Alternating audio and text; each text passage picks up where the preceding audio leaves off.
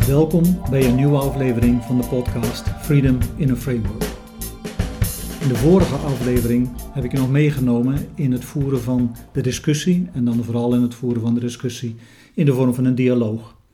Daarbij kwam ook naar voren dat onherroepelijk in het voeren van die discussie de weerstanden ontstaan. In deze podcast wil ik vooral uh, je nader meenemen in waar die weerstanden vandaan komen, wanneer ze plaatsvinden en hoe je daarmee om kunt gaan. Als leider, wanneer je aan het mobiliseren bent en je mensen echt mee wil hebben in de groei van je bedrijf, is het belangrijk om een enorme hoeveelheid, zoveel mogelijk zelfs, perspectieven van je mensen naar voren te krijgen. Daarvoor had je ze aangenomen, dat is de rijkdom die je hebt en daarmee wil je mee werken. Maar het is onvermijdelijk dat als je met mensen met elkaar in gesprek bent, zelfs in de kwaliteit van een dialoog, dat het weerstanden oproept. Elk van je medewerkers heeft een bepaald functioneel perspectief, een expertiseperspectief, maar ook een ervaringsperspectief. En het betekent dat op het moment dat je met elkaar in gesprek gaat en je praat over veranderingen, je praat over nieuwe mogelijkheden, je praat over potentiële wijzigingen, je praat over potentiële uitdagingen die er zijn om te gaan doen, dat je op dat moment bij mensen, en je geeft er ideeën over, en mensen delen hun ideeën daarover, dat op dat moment bij mensen verstoringen aangeraakt worden. Verstoringen die zeggen van, oh, maar gaan we het dan weer allemaal anders doen? Oh, maar als het op jouw manier gebeurt, dan gebeurt het niet op mijn manier. Oh, maar als we het zo gaan doen, dan gaat het allerlei moeilijkheden geven. Kortom, mensen projecteren in zichzelf als ze in een split second overigens, als ze van jou een perspectief, een mening, een reactie horen, dan projecteren ze erop dat het dus ook een verstoring is van hun werkelijkheid. Natuurlijk willen ze ook open zijn, maar er zit ook iets bij van oeh, hoe moet ik daar nou mee omgaan?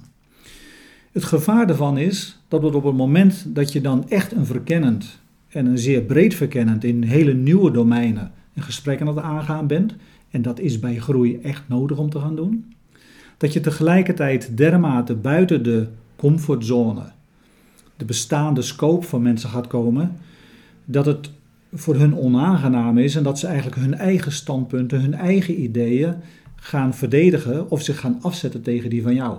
En dat je weer terugdrift in de richting van het debat of de tellingmodus. Dus die weerstanden, onvermijdelijk ontstaan die. Maar hoe kun je daar nou echt mee omgaan?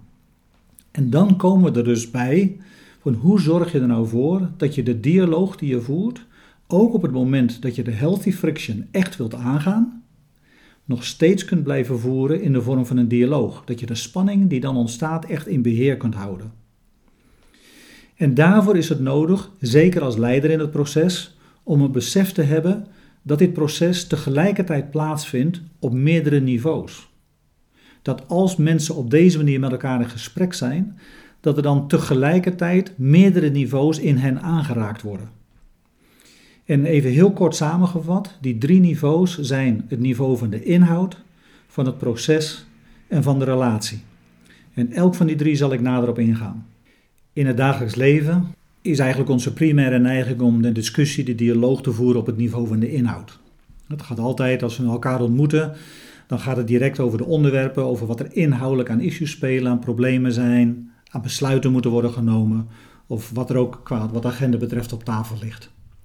Dus dat is het niveau van de inhoud.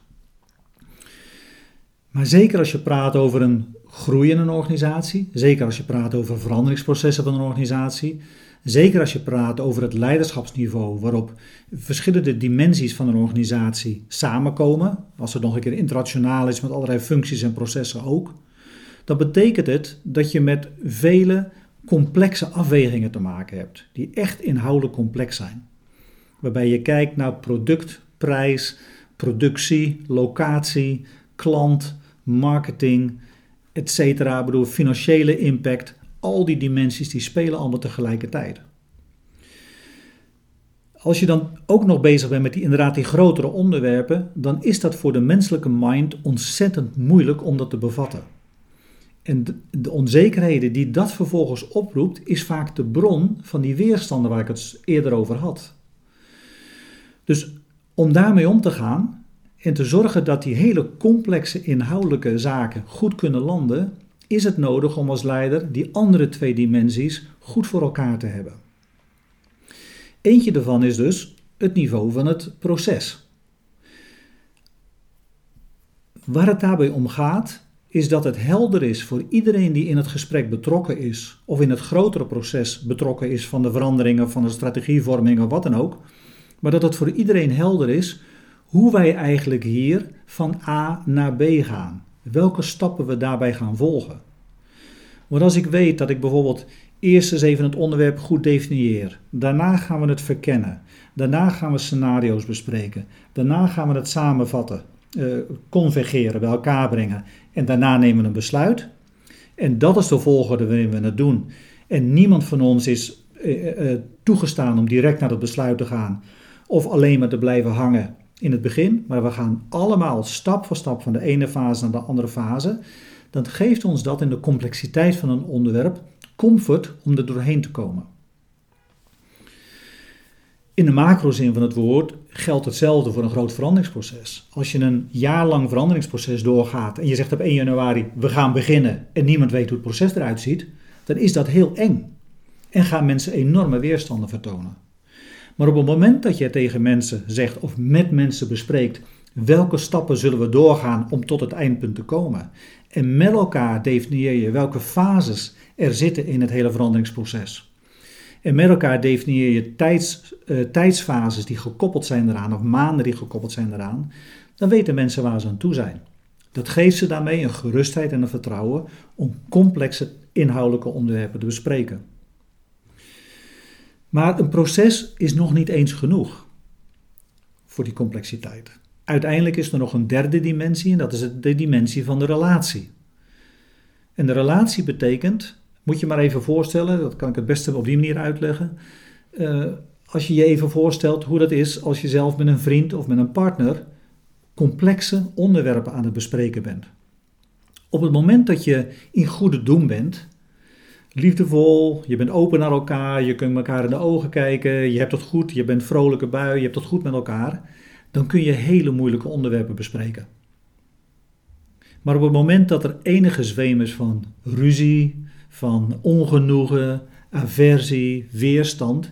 Nou, kom dan echt niet aan met een moeilijk onderwerp, want dat kan gewoon niet besproken worden. En hetzelfde principe geldt in jouw organisatie op het moment dat je mensen met je mee wilt nemen in moeilijke onderwerpen. Op zijn minst moet er tussen die groep een bazaal niveau van vertrouwen zijn. Op zijn minst moet er in zo'n groep een bazaal niveau van ontvankelijkheid zijn, van openheid zijn, van, van generositeit naar elkaar zijn, om naar elkaars ideeën te luisteren, hoe afwijkend die ook mogen zijn.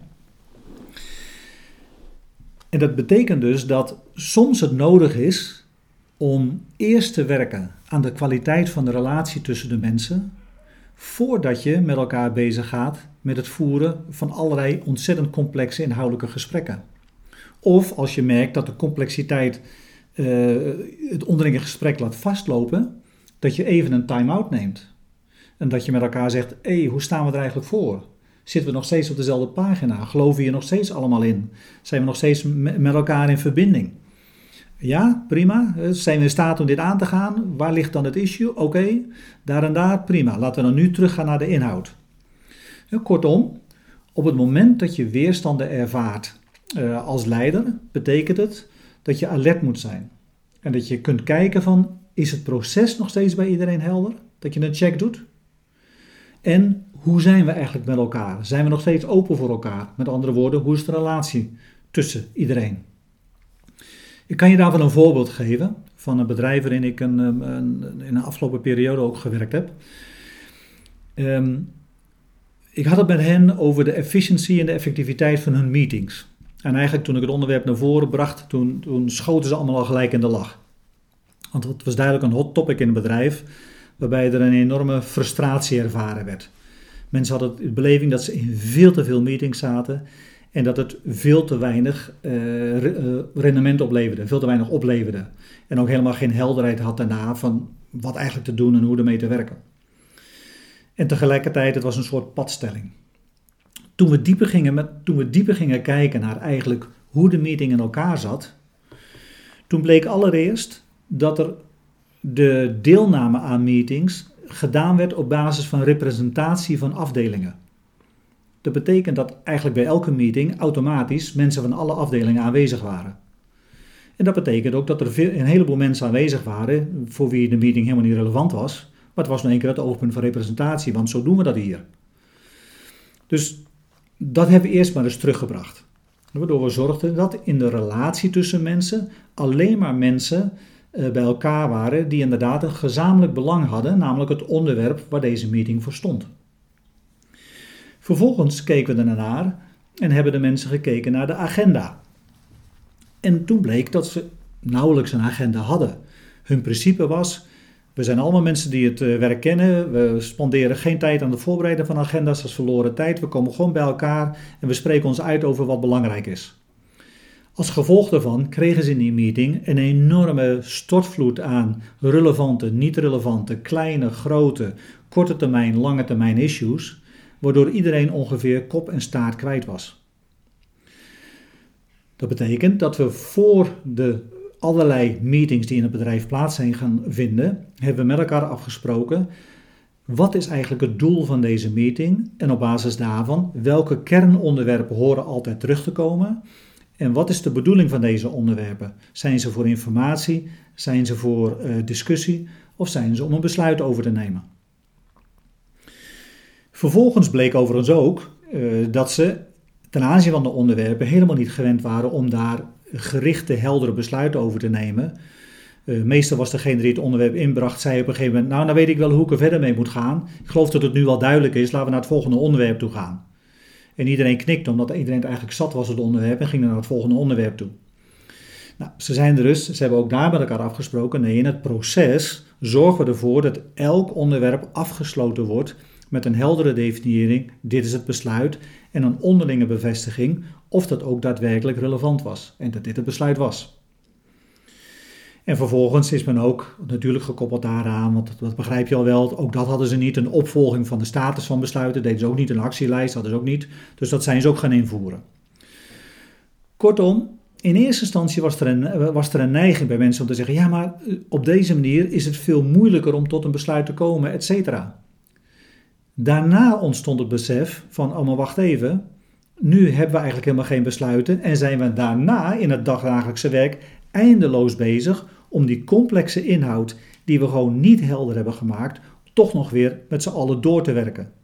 Dus weet je wat, laten we tijdens de vergadering met de relevante mensen goede besluiten nemen en laten we zorgen dat we met elkaar goed verbonden zijn in onze relatie waarom we deze besluiten nemen. Laat ook helder zijn hoe wij met onder, agenda-onderwerpen omgaan. Een goed uh, doel formuleren, verkennen, scenario, samenbrengen, besluit nemen. Dat zijn de fasen die we doorlopen.